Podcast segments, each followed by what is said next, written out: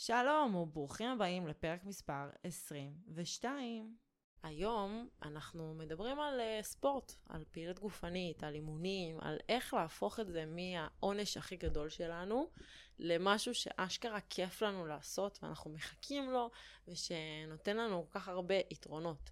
אז הרבה מאיתנו באמת מתייחסים לפעילות גופנית וספורט כאיזושהי מטלה או משהו שצריך לעבור, צריך לסמן עליו תווי, במיוחד שמדובר באימונים בשביל לרדת במשקל או בשביל בריאות כללית, כי די, הגענו לאיזשהו מצב שהוא כבר מחייב אותנו ואין לנו ברירה אחרת. אבל הגישה הזאת עלולה באמת לייצר איזושהי מוטיבציה שלילית ותחושה של כפייה. שלא רק שזה פוגע ביכולות שלנו להתמיד לאורך זמן, זה גם פוגע בהנאה באותו הרגע של האימון שלנו, אה, ובהתקדמות שלנו. אז איך באמת אפשר לשנות את זה? בפרק הזה אנחנו נבין מדוע חשוב לראות בפעילות גופנית באמת מקור לאיזושהי הנאה ולראות את היתרונות של זה ולהפוך את זה למשהו שכיף לנו לעשות וגם נתמקד בדרכים אשכרה פרקטיות ליישם את זה ולא רק נדבר על זה בצורה תיאורטית. שחר, אתה נהנה מהאימונים שלך? אני, זה... האימונים שלי זה, זה אהבה, מה זאת אומרת? אני, האימונים זה באמת האוויר הנשימה שלי. אם אני לא מתאמנת כמה ימים, אני חולה, אם אני פתאום בחופשה וזה, אני באמת מרגישה שמשהו חסר לי. כאילו, זה... זה בדיוק מה שקרה לי היום, ובדיוק היום? מה שאמרתי למישל. מישל זה עוד איזה מאמן שאני חולק איתו את הסטודיו, אה, ו... ופשוט אחרי שלושה ימים, שהייתי בלי תנועה. למה? ו... בגלל החג? בגלל החג, כן. גם, את יודעת, והייתה אכילה, והיה אובר שינה, כנראה שהגוף שלי היה צריך את זה. Mm-hmm. אבל גם במקביל אני צריך את זה כל כך. זאת אומרת, הנפש שלי צריכה את האימונים כל כך, שהרגשתי כאילו, כאילו, גם כשאני צובר שעות שינה, עדיין אני, אני, אני רדום. אני כאילו חסר אה, אנרגיות. אני ממש כזה הייתי בחצי מוד שינה כזה. התעוררתי היום עייף. אחרי כל השנה שישנתי. אנשים חושבים שפעילות גופנית תעייף אותם. כן, שזה אבסורד. זה בדיוק הפוך על הפוך על הפוך. לגמרי. ובדיוק אחרי שסיימתי את האימון, הרגשתי כאילו הטעינו אותי כן. מחדש. איזה כיף זה. כן, אמרתי לו, איך לא, איך לא באתי לפה אתמול? היה לי איזשהו מאבק, להגיע, לא להגיע. בסוף לא הגעתי, כן? טעות מרה. אתה יודע גם איפשהו גם הציפייה שלנו ממה זה אימון ומה אנחנו מחשיבים כמשהו שהוא good enough, גורם אותנו לפעמים... אה, לא לגשת לאימון. זאת אומרת, אתמול, גם בחג, אני גם לא התאמנתי אימוני כוח, אבל יצאתי להליכה של שעה עם יוב, תקשיב, זה מילא אותי באנרגיות מטורפות לכל היום. כולה הליכה, זה לא שעכשיו עשיתי איזה משהו, הלכנו שעה, מדהים, באמת. אז רק תנועה כבר גורם לנו להיות הרבה יותר אנרגטיים ופעילים במהלך היום. עכשיו, אחת הסיבות המרכזיות אה, שאנשים לא אוהבים את האימונים, היא שהם, יש להם ציפיות לא ריאליות מהתוצאות ומקצב התקדמות. במיוחד שמדובר על תהליך ירידה במשקל, הם מצפים שהם יתחילו להתאמן עכשיו, והופ, תוך שבוע, שבועיים, חודש, הם כאילו... מיס Fitness. Miss Fitness, כן, משהו יקרה שם, תהיה איזושהי ירידה מהירה ודרמטית, הם יראו את השינוי שהם רוצים, וכשזה לא קורה, וכשמתברר שהדבר הזה הוא יותר איטי ויותר הדרגתי, אז וואלה, יש תסכול, ויש כעס, ויש אכזבה, ויש עוד יותר באסה. אם גם ככה גררנו את עצמנו לאימון, אז עכשיו שאנחנו מבינים שהתוצאות פה יהיו הרבה יותר איטיות ממה שתכננו, אז... אנחנו... למה לי? כן. למה לא. לי בכלל להתאמץ? אז עדיף לשבת בבית מול הנטפליקס. נכון. אני חושב שברגע שאנחנו קושרים את זה בזה, שם מתחילה הבעיה. אוקיי? בוא נשים רגע את מה שדיברת עכשיו בצד, ואחרי זה נחזור על זה. אוקיי? על הקטע של הפער אה, בין התוצאות שאנחנו רוצים למה שקורה בפועל. Mm-hmm. אני חושב שאנחנו צריכים בתור, בתור אנשים שרוצים לדאוג לגוף שלהם, למכונה שלהם, להסתכל על אימון כמשהו שהוא לא קשור לירידה במשקל, לראות את היתרונות שפעילות גופנית נותנת לנו כאימון גופני, בלי שום קשר לנראות שלנו, אוקיי? ברגע שאנחנו מבינים את זה, גם כשנוצר הפער בין מה שאני מצפה מעצמי בתהליך שלי ומה שקורה בפועל, אוקיי? גם כשקורה איזשהו משהו שלא לא ציפיתי לו, פתאום עברו שלושה חודשים, ווואלה אני דורך במקום, יהיה לי הרבה יותר קשה לוותר על הפעילות גופנית, כי אני זוכר את כל היתרונות שהם כן. נותנים לי, בדיוק כמו אלה שציינו עכשיו. אז זה שאחרי שלושה ימים אנחנו הופכים להיות אנשים אחרים. אני הופך להיות בן אדם אחר, כאילו אני יכול להגיד לך, אני פחות אנרגטי, אני כן. יותר עצבני, אני כאילו, בי פאר יותר עצבני. כן. ו- ולא בא לי להיות הבן אדם הזה. לא בא לי להיות הבן אדם הזה. אני גם פחות uh, פרודקטיבי בעבודה. כן. ולא בא לך שנהיה הבן אדם הזה. לא, אוי ואבוי. זה הסיוט הכי גדול שלי. אז, אז ברגע שאנחנו שחר לא מבינים... פרודקטיבי זה הסיוט הכי גדול שלי. ברגע שאנחנו... ברגע שאנחנו באמת מבינים מה עומד על הצד השני, ואנחנו מבינים את שאר היתרונות, שהם לא... סבבה, זה יכול להיות גם קשור לנראות, אבל זה לא מה שיגרום לנו לקבל את ההחלטה אם כן להתאמן או לא להתאמן, זה, זה פשוט הופך את זה להרבה יותר ברור, נכון? כלומר, זה לא הנראות שתוציא אותנו... אה, ברור, זה. ברור. עכשיו, אני רוצה פה להגיד עוד משהו, כי הרבה פעמים אני רואה הרבה פוסטים כאלה מייגעים ומ... ומתישים של כן, אתם חייבים ללכת להתאמן, אוסטאופורוזיס, מה יהיה כשתהיו בני 70, ואני כל הזמן רואה את זה ואני אומרת, בואנה, זה כאילו... זה לא מדרבן אף אחד ללכת לשום אימון, תפסיקו לכתוב את זה, כאילו, אם אתם רוצים לגרום לבן אדם באמת ללכת להתאמן, אז תיתנו לו להסתכל על התוצאות שהוא מקבל עכשיו. עכשיו, לא מדברת על ירידה במשקל וכמה הרמת במשקל, אלא בדיוק מה שדיברנו, מה שאמרת עכשיו, על מה זה יגרום לך להרגיש? אתה יוצא מאימון, מה אתה מרגיש? כאילו, איך זה משפיע לך על היום? זה מה שיגרום לבן אדם ללכת להתאמן. נכון. לא מה יקרה בגיל 70, למי אכפת? אני יכולה למות בעוד עשר שנים, העניין. כאילו, מה... מי, מי רוצה לחשוב על מה יקרה בעוד 70 שנה? נכון, כאילו, זה כמו שאומרים על הסרטן, עם הסיגריות. אז יכול להיות שבעוד תמות אנשים, מוקדם אנשים יותר. חיים את הרגע. נכון. והם רוצים לדעת מה הם מקבלים עכשיו. בדיוק. רק אנשים, יש אנשים שמסתכלים על מה יקרה בעוד, כן? לכולם זה חשוב באיזושהי מידה. אבל הרבה אנשים, אני, אני רואה הרבה אנשים אומרים, אז כשאני אגיע לגיל הזה אני אתחיל לטפל בעצמי. כן. עכשיו תן לי ליהנות מהחיים. נכון, נכון. וזה מתקשר לעוד איזשהו משהו, למה אנשים ככה... אה, קשה להם מאוד בלהתחיל אימונים, או קל להם מאוד לוותר על אימונים כשדברים לא עובדים. שזה קשור בכאב פיזי. אה, הם לא נכון? לא רגילים שכואב להם. כן, הם כן. לא רגילים שכואב להם. זה נכון. משהו שהוא מאוד מאוד חדש בשבילם. ובואי, מי אוהב שכואב לו? אנחנו עכשיו אוהבים היום. שכואב לנו. נכון. אוקיי? והנה אני, בן אדם שמתאמן כבר מעל 20 שנה, אומר לכם שהדבר הזה זה נהיה משהו ממכר. כאילו, זה לא, הכאב הפיזי הוא הופך לאיזשהו משהו משני. זאת אומרת, כשאני עכשיו נכנס לאימון, מה שעומד לנגד עיניי זה להרים, לשבור את השיא שלי, זאת אומרת כן. להרים משקל יותר גבוה, לעשות נכון. חזרה יותר ממה שעשיתי לפני, או כן. במקרה שלי, אה, לעשות שנייה על הטבעות יותר ממה שעשיתי לפני.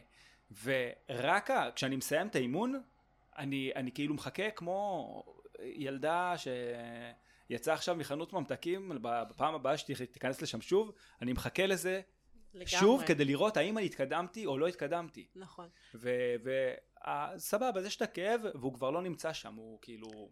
אבל לאנשים שלא מכירים את העולם הזה, הכאב יכול גם מאוד uh, להפחיד אותם. לא רק שהם לא אוהבים את התחושה של הכאב, הם פתאום לא, הם לא יודעים להבדיל בין כאב שהוא כאב טוב לכאב שהוא כאב לא טוב, ואז פתאום הם נבהלים, יואו, אני הרגשתי את הגב תחתון, כן, הרגשתי את הברך, הרגשתי את הזה, כאילו, אוקיי, גם בגב תחתון יש שרירים, הלו, הכל בסדר, אני מראש כבר מתאמנים חדשים, הכל בסדר, אם מחר אתה מרגיש את הגב התחתון, לא, לא להיבהל, זה, זה אמור לקרות, זה בסדר, יש שם שרירים ואנחנו עובדים עליהם.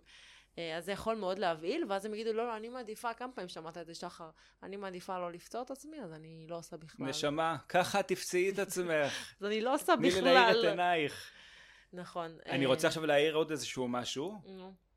אנחנו, אמרת פה, ככה אתה אמור להרגיש. אני מאמין שאמרת את זה לא ברמה של כאילו את משחררת את המתאמנים שלך ויום אחר אתם מושכים כיסא גלגלים מיד צרה. לא. כן? עכשיו, יש אימונים וזה משהו שהוא שנאה שלי בתור מאמן כושר, no. שפשוט הייתי רואה אה, מתאמנים חדשים מגיעים אליי עם חוויה של עכשיו אני הולך לאשפז אותם שלושה ימים. חס וחלילה. במחלקת אה, אה, כירורגיה בברזילי. חלילה. והוא לא יכול לזוז, והוא מכין את עצמו מנטלית לזה. את מבינה? אוי ואבוי, אני לא מאמינה שכאילו אנשים עוברים את זה באמת. אם קרה לכם דבר כזה, סימן שאתם בידיים לא טובות. תחליפו מאמן. זה זמן לעשות אחורה פנה. ולברוח. לא לצעוד, לברוח למאמן הבא. כן, לא, זה לא העניין של אה, הם צריכים לסבול, אבל, אבל זה בסדר להרגיש דברים שהם לא הרגישו בעבר, שיכול להיות שיפחידו אותם. הרי כאב גב תחתון, בוא, כולם מדברים על זה כאילו, זה כאילו הכאב שכולם הכי מפחדים ממנו, וזה ממש סבבה ששריר בגב התחתון נתפס, וזה מה שאנשים לא מבינים, שזה שריר ככל השרירים. תמיד הדוגמה שלי, אם יתפס לך ישבן, תהיי ממש בסדר עם זה, נכון? תביא, אפילו תר, תרגישי מבסוטה, איזה כיף, איזה, עבדתי על הישבן. פתאום אם נתפס הגב התחתון, אז זה לא מספיק טוב, זה לא בסדר. אני רוצה לתת פה עוד איזושהי הערת ביניים. ולדבר על, על הרגע שאמרת להיתפס. קודם כל כשאנחנו נתפסים לאו דווקא אנחנו צריכים להיתפס כדי להתקדם. יכולים נכון. להיות לנו אימונים שאנחנו יכולים לצאת מהם פרש, יום למחרת להתעורר, לא נתפסנו, גם יומיים אחרי, שבדרך כלל אנחנו מקבלים את הזבנג מהאימוני רגליים, נכון יעל? נכון.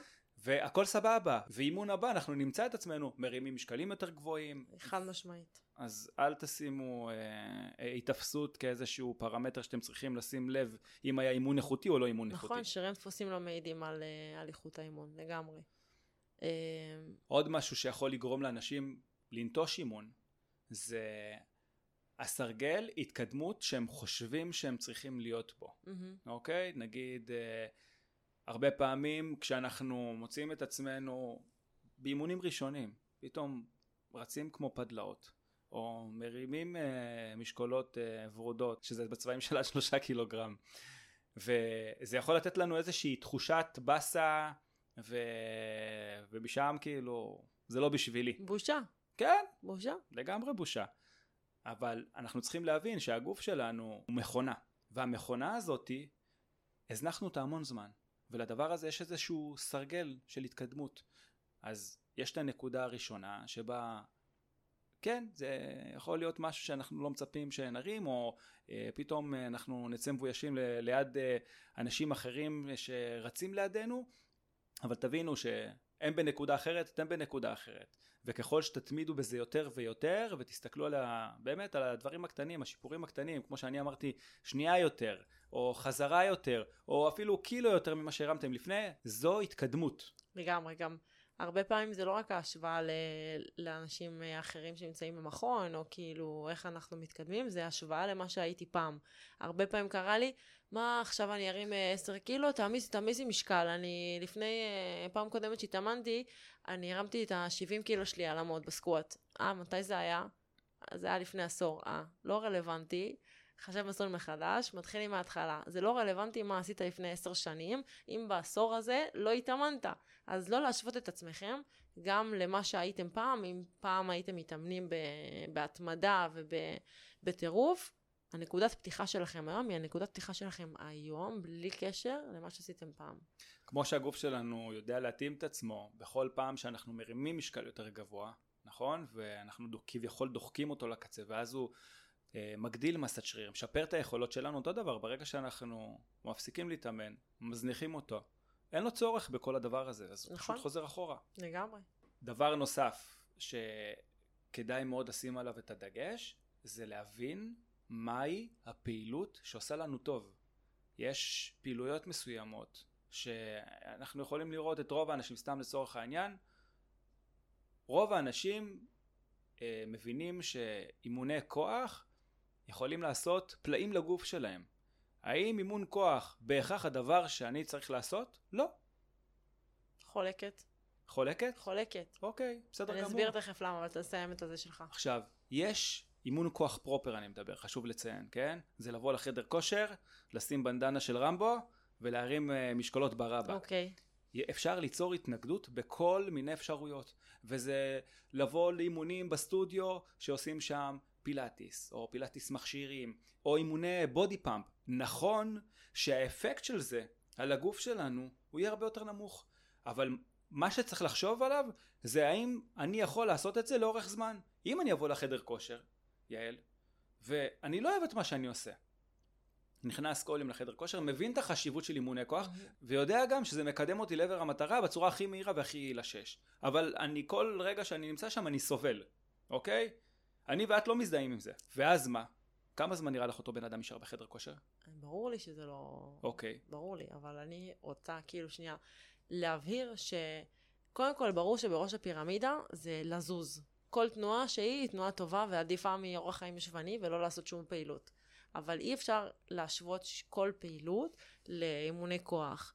ואי אפשר להגיד שזה, שכאילו, הנה אתם עושים את הפעילות, מצאתם משהו שטוב לכם, אתם מתמידים בו, סבבה, זה good enough. כי זה לא good enough. אם אנחנו באמת מסתכלים לעוד לדברים הרחוקים שלא מניעים את האנשים עכשיו, כנראה שהיוגה לא, לא בטוח שתעשה את העבודה ש, שאימוני כוח עושים, וגם לא הטניס, וגם לא ההליכות שהיא עושה בערב. אז נכון שהיא זזה וזה מעולה וזה עדיף מלא לעשות כלום. הפרק הוא לא פרק איך אני מתחתב בצורה המהירה ביותר. זה לא עניין של התחתבות. אנחנו מדברים כרגע לא על, על איך אני יכול להפוך את הספורט להנאה. נכון, אבל אני אומרת, זה לא עניין של התחתבות, ואני אומרת שיש פה איזשהו חלק שגם צריך okay. אוקיי. לקחת בחשבון שזה משהו ש, שצריך לעשות. אז זאת אומרת שגם אם אני עושה אימון כוח אחד בשבוע מתוך ההבנה ש...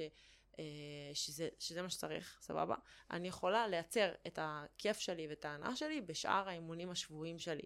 כאילו, ככה אני רואה את זה, זאת אומרת, אני לא חושבת ש, שצריך לוותר על האימוני כוח, כי זה לא מספיק כיף לי. אז בואי נמצא דברים שעושים לך טוב, אנחנו גם נדבר על זה בהמשך, אבל בואי נמצא אה, תוכנית ש, שטובה לך וכיפית לך, ואת עושה תרגילים שאת אוהבת. בואי לא. נחדד לך את הידע, בואי תבואי עם חברה, בואי ת, ת, כאילו תמצאי את הסטודיו ואת הקבוצה ואת האנשים שכאילו גורמים לך לאווירה, את כל הדברים שהם מסביב.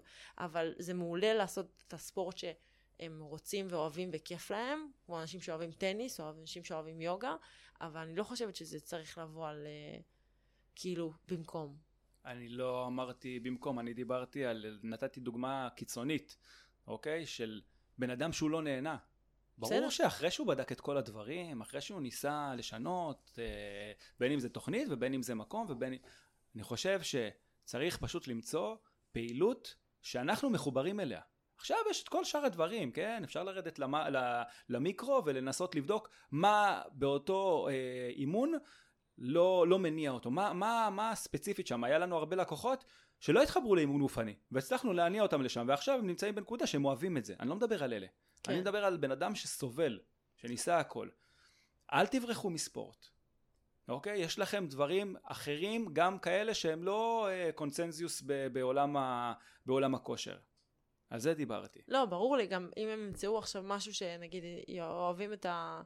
אה, פילאטיס או את הטניס או לא יודעת מה, והם נכנסים לזה והם רואים שהם בהתמדה באיזשהו ספורט, אולי זה ייתן להם גם יותר אה, השראה או כוח או רצון להכיר את העולם של נגיד האימוני כוח בצורה יותר עמוקה ממה שהם עשו בעבר. אה, אז ברור שזה עדיף מלא לעשות שום דבר. אני פשוט חושבת שזה כאילו לא... אתה בטוח מסכים איתי שזה פשוט לא יכול להחליף את זה. אה, ולא בכל מחיר. חד משמעית. אה, היא מדברת פה מדם ליבה.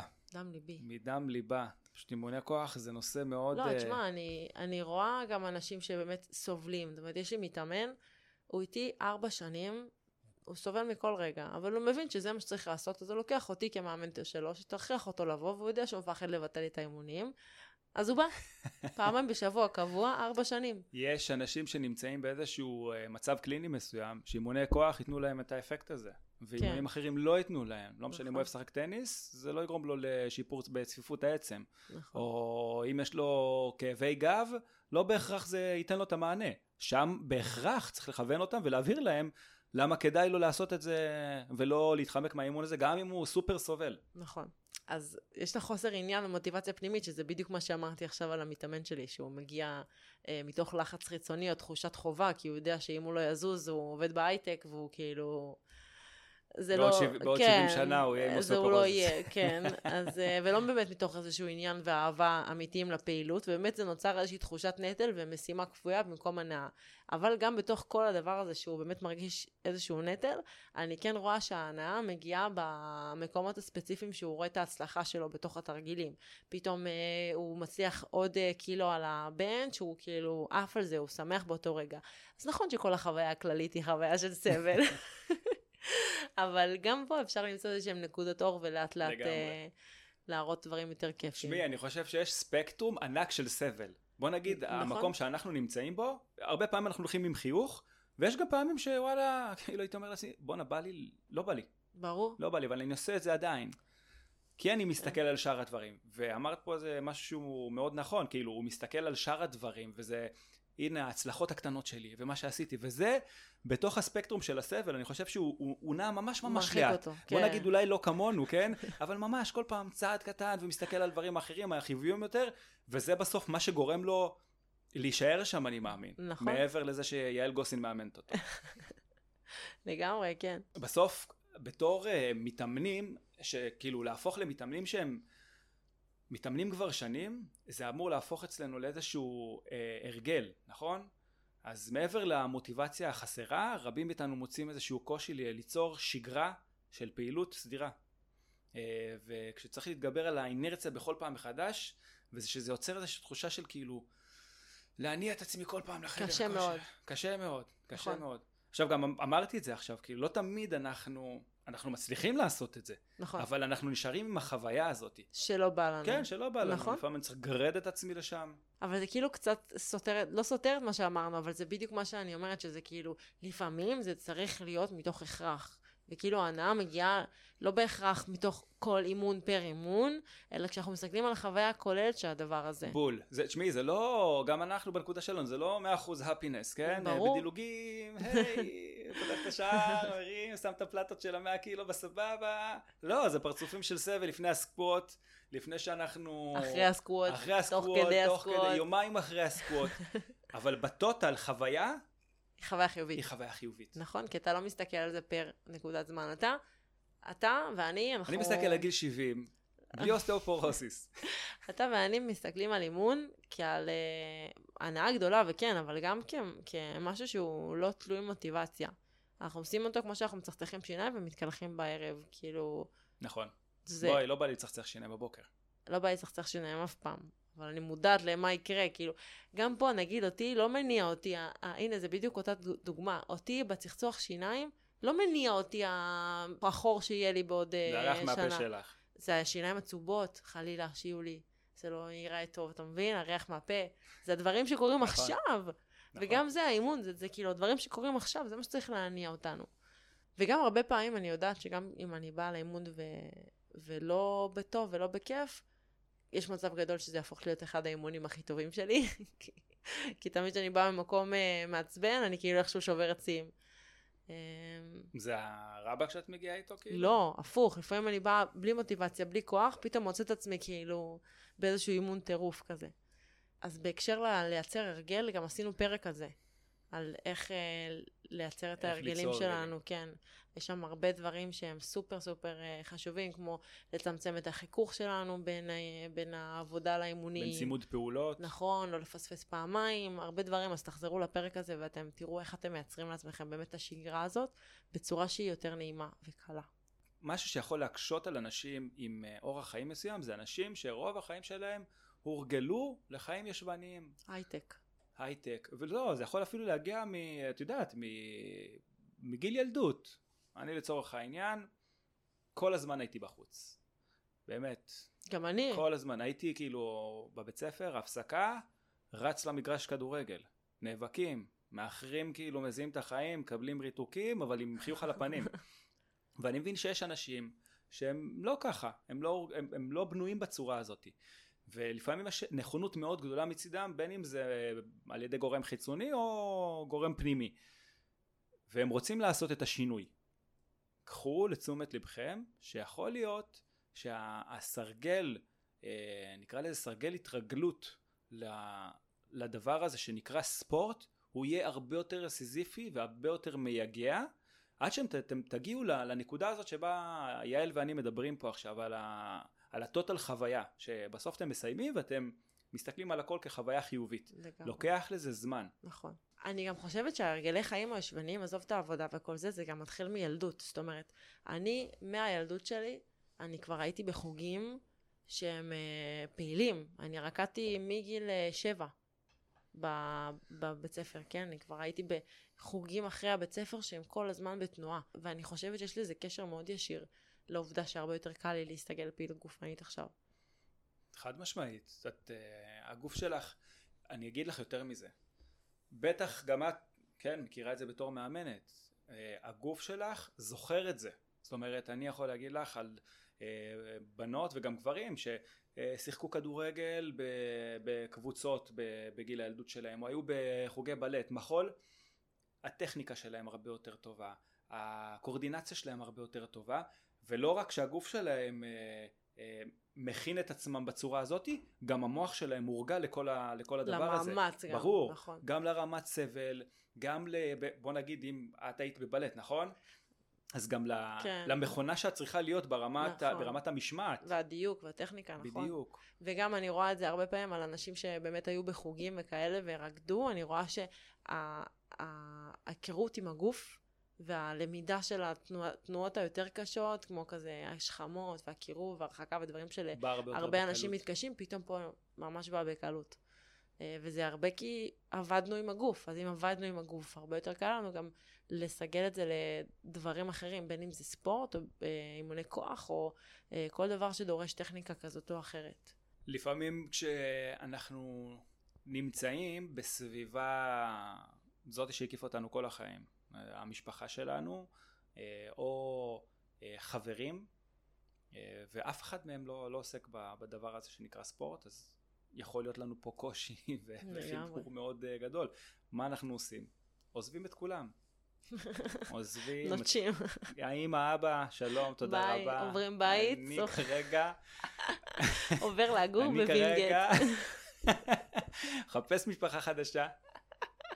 אני פוגש את צופית גרנד באבודים, ואני הולך לחפש את המשפחה שלי, שאיבדתי אותה איפשהו ב... כן, האמת שזה באמת יכול לעזור. אצלך, היו אנשים שהתאמנו? אצלך, המשפחה שלך התאמנה? אה, אבא שלי, אבל כאילו, את יודעת, זה...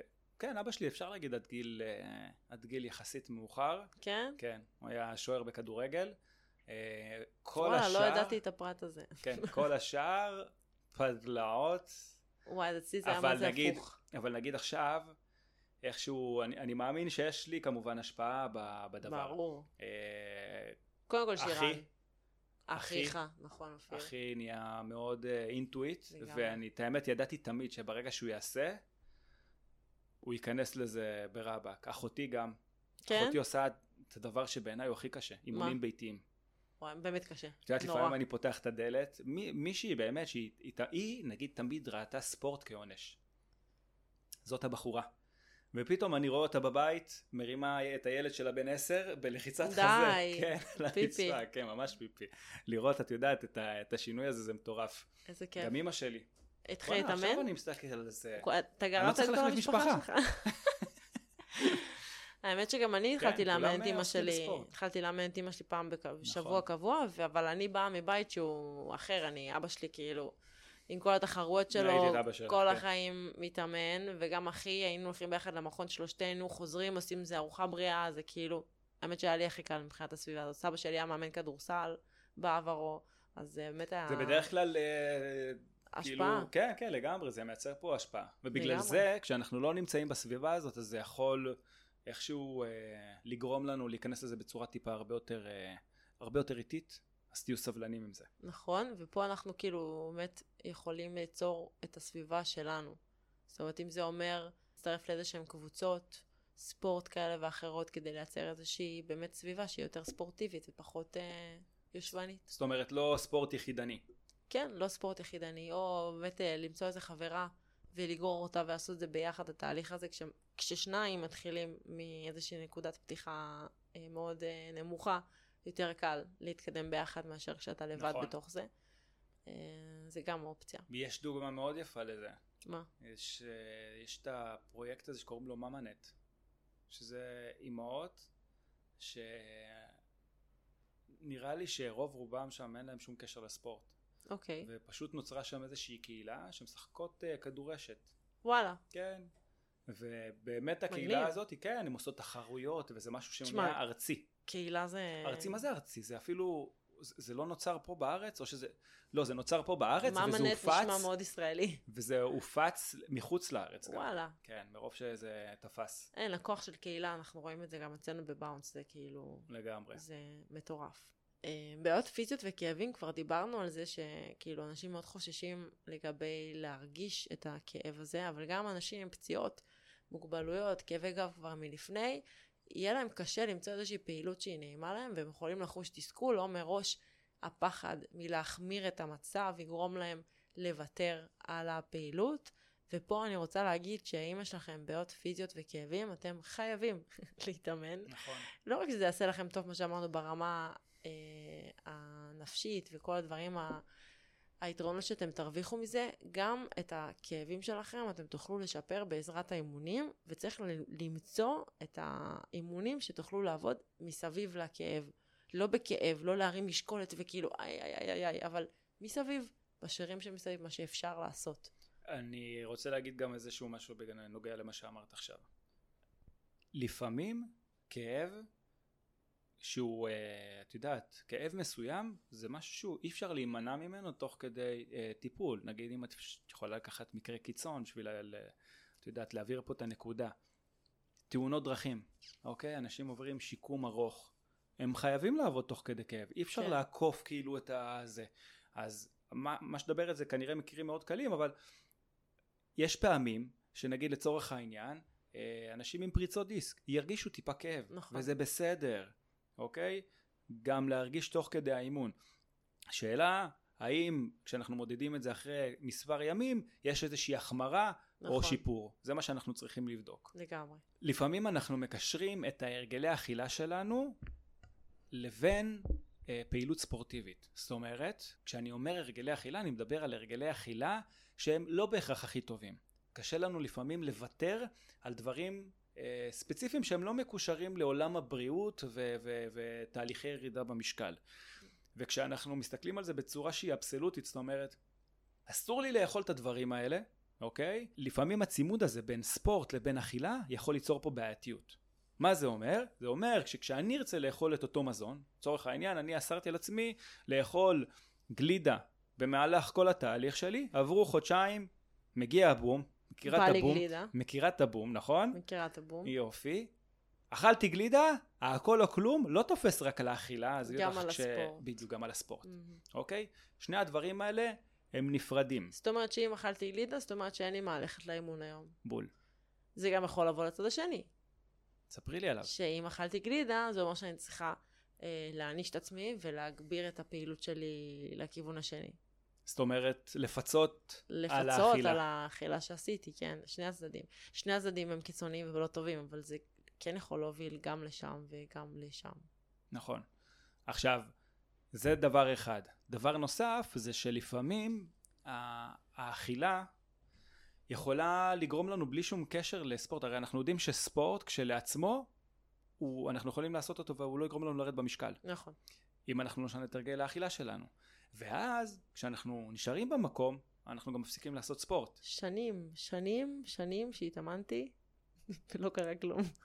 כאילו לא באמת לא קרה כלום, לא קרה כלום מבחינת הירידה במשקל. אבל עדיין המשכת להתאמן. כן, אבל זה כי אמרתי לך, אני באה מהבית, וכאילו, זה מה שאהבתי וראיתי את היתרון של זה, אבל לא קרה כלום, נראה לי איזה שבע שנים. כאילו, העליתי מסת שריר, והעליתי במשקל, אבל הבנתי את היתרונות של העלאה במסת שריר, שאני נהנית מהם היום, רק בדיעבד. אז מבחינתי כאילו, מה קורה? לא קרה שום דבר, אני פשוט מתאמנת. אבל התאמנתי כי כיף לי. מעולה. שזה מטורף. מעולה. כשאנחנו במודעות על הדברים האלה, אז זה מה שיכול לגרום לנו לא לשחרר את הפעילות אה, גופנית. כשאנחנו מבינים מה זה נותן לנו. נכון. עכשיו אני גם מבינה את כמה מסת שריר העליתי בתקופות שהעליתי במשקל והמשכתי להתאמן, וכמה זה תורם לי, בסוף. כמה זה תורם לי לגוף שאני עכשיו השגתי ושכאילו למראה השרירי. כנראה שזה לא היה מושג. מסה זה... אם לא הייתי מעלה את ה-17 קילו שלוש פעמים וממשיכה להתאמן ולאכול חלבון. חד משמעית. עשיתי מסה. מסה זה חלק בלתי נפרד מלהעלות מסת נכון. שריר ולעצב את הגוף שלנו. לגמרי. יעדים לא ריאליים, דיברנו על זה גם מקודם, על הציפיות שלנו מהספורט, ושאנחנו מציבים עצמנו לפעמים יעדי ירידה משקל בלתי אפשריים, כמו לרדת 10 קילו בשבוע, וזה באמת יוצר אצלנו איזשהו לחץ ותחושת כישלון שזה לא קורה, ווואלה זה לא קורה, כי זה לא ריאלי.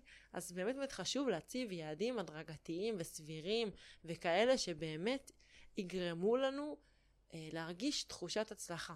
גם דיברנו על זה אפילו בפרק של היצירת הרגלים, שחשוב לשים איזשהו יעד שלא יגרום לנו לראות כל פעם את, ה... את מה שאנחנו עושים ככישלון. כאילו... כשאנחנו מסתכלים על זה ל... לטווח הארוך? לא, לא רק לטווח הארוך. זאת אומרת, אם עכשיו אני מציבה לעצמי איזשהו יעד שאני מחר רצה 10 קילומטר, ואני היום ב-0 קילומטר, אני מחר לא אצליח לרוץ ואני ארגיש כישלון, אבל אם אני אציב לעצמי יעד שאני רצה קילומטר אחד, אני אצליח את הקילומטר, אני ארגיש טיל עם עצמי, נכון? נכון, נכון, זה בדיוק מה שאני אומר. כשאני כן. מסמן לעצמי את היעד האחרון שאני רוצה להגיע, כן. זה יכול לתסכל את החיים. כן, כן, כן, ללא ספק. אז להציב באמת יעדים קטנים וריאליים. השוואה עצמית לאנשים אחרים זה משהו שיכול להיות מאוד הרסני. נכון. אנחנו יכולים להגיע לחדר כושר, אה, ואנחנו רוצים אה, להרים, מסתכלים על הבודי בילדר שלידינו, רואים אותו דוחק איזה 100 קילו, ואנחנו נאבקים שם עם, ה... עם המוט של ה-15 קילו, כן. ו... ועושים בדיוק את אותם פרצופים. כן. זה קשה, זה קשה להשוות.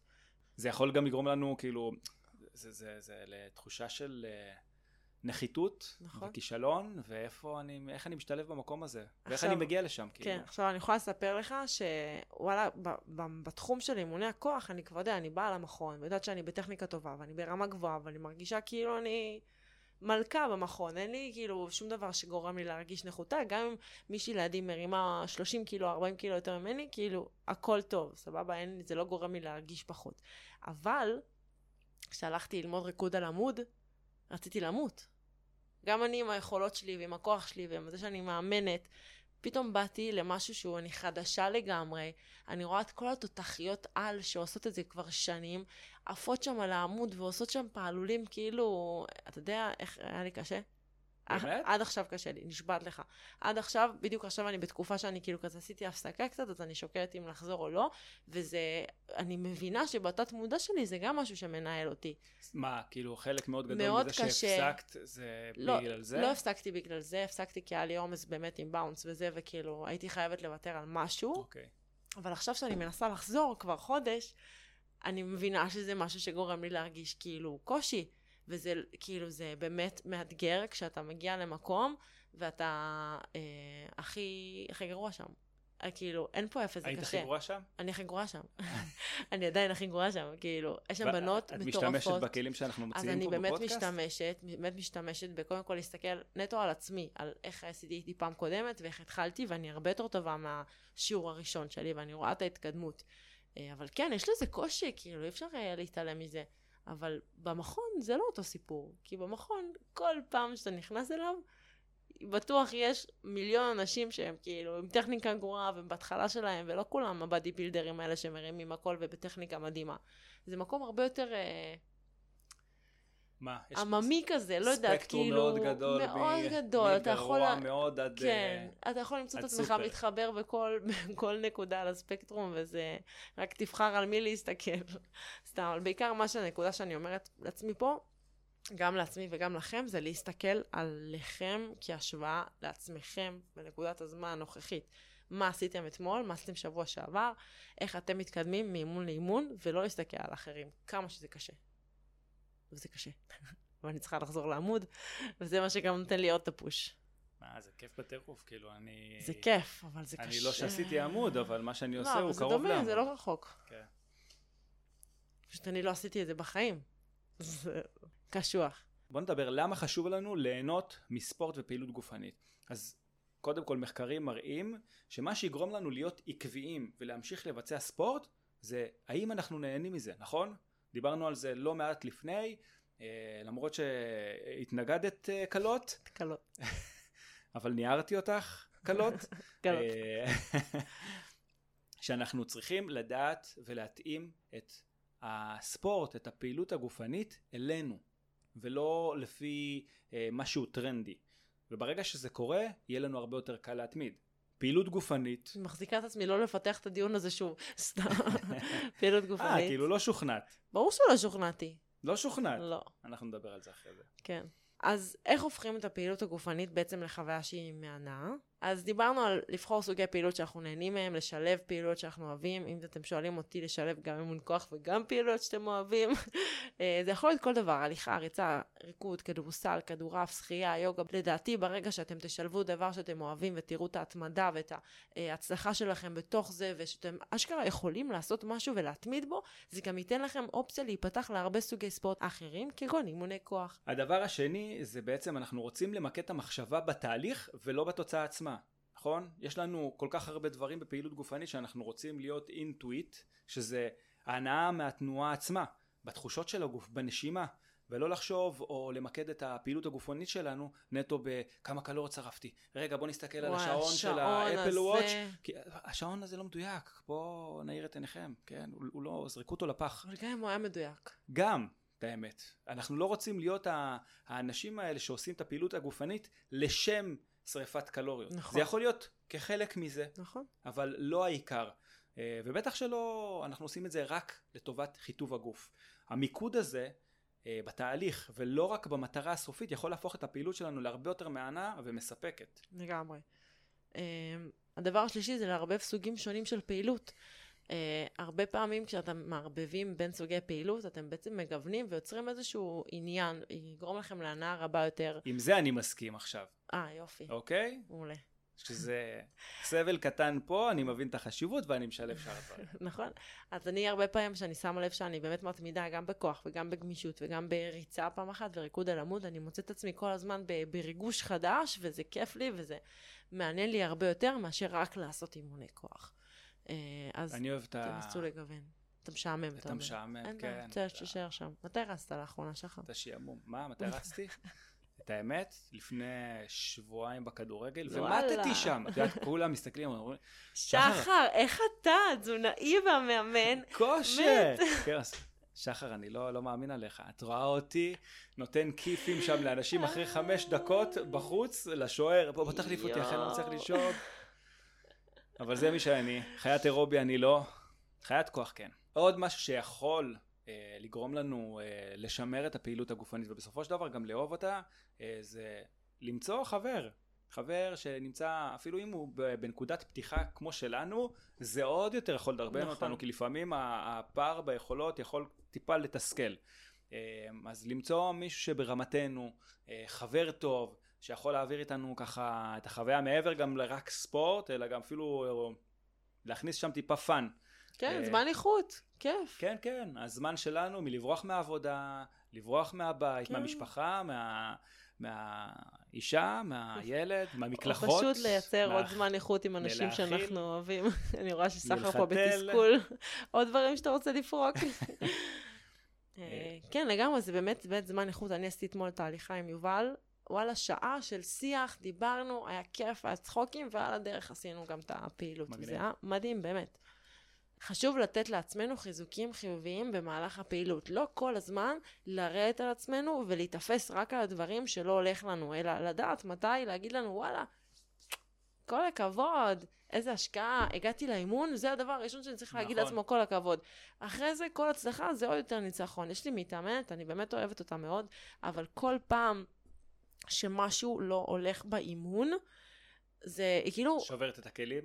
היא לא שוברת את הכלים, אבל היא כל כך נכנסת ללופ שלה, זה לא הלך לי, שזה יכול להרוס לה את כל שאר האימון. היא כאילו, אה, וואי, איזה גרוע אני, וואי, איזה פדיחות אני עושה, וואי, אני זה, אבל לפני שנייה הצלחת את התרגיל ההוא בצורה מהממת, אז למה לא להסתכל על זה שזה מעולה? ופה צריך לעבוד קצת, הכל בסדר, אנחנו מגמה של שיפור, אבל חשוב, חשוב, חשוב לתת לעצמנו חיזוקים חיוביים במשוב חיובי ולעודד את עצמנו, כמו נכון. ילדים קטנים.